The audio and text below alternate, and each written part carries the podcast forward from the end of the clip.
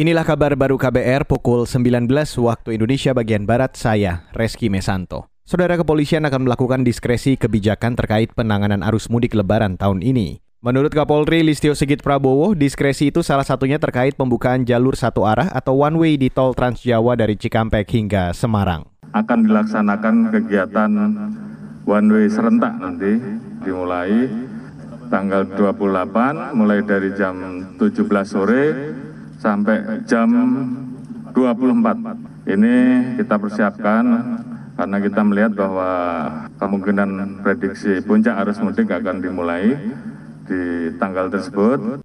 Kapolri Listio Sigit Prabowo menjelaskan tujuan diberlakukannya satu arah di jalan tol itu untuk mengurai kepadatan dan kemacetan. Kapolri juga meminta pemudik memilih jalur alternatif selain lewat tol, seperti jalan utama Pantura hingga jalur pantai selatan Jawa. Saat ini volume kendaraan yang masuk ke Jawa Tengah baru mencapai 6 hingga 7 persen. Beralih ke berita selanjutnya, Saudara. Majelis Rakyat Papua atau MRP menolak tiga rancangan Undang-Undang Daerah Otonomi Baru atau DOB yang tengah dibahas DPR. Ketua MRP Timotius Murib menilai pembahasan ketiga RUU itu tidak sesuai mekanisme pembentukan aturan perundang-undangan karena tidak melibatkan masyarakat asli Papua. Tanggal 12 April 2002 kemarin DPR RI menetapkan tiga RU tentang DOB di Provinsi Papua. Saya pikir ini sudah mekanisme yang salah, oleh karenanya masyarakat orang asli Papua melakukan aksi penolakan dengan demo disampaikan kepada eh, pemerintah pusat. Ini juga kami sudah sampaikan kepada Bapak Presiden. Artinya bahwa tiga DOB, tiga RU DOB yang telah ditetapkan oleh DPR RI adalah mekanisme yang salah, tidak mengikuti mekanisme. Ketua Majelis Rakyat Papua Timotius Muri meminta Presiden Joko Widodo segera menunda rencana pemekaran di bumi Cendrawasih. Ia beralasan DUB hanya akan menambah beban APBN karena masih kecilnya pendapatan asli daerah atau PAD di 28 kabupaten kota di Papua.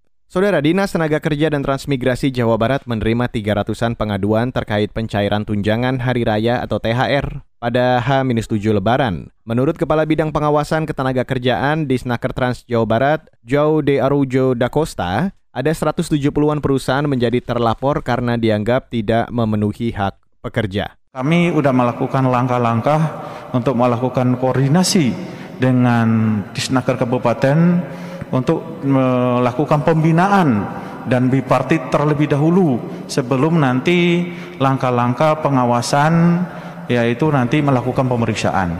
Apabila misalnya ternyata perusahaan tetap tidak patuh, maka kami akan melakukan pemeriksaan dan akhirnya akan memberikan sanksi administrasi.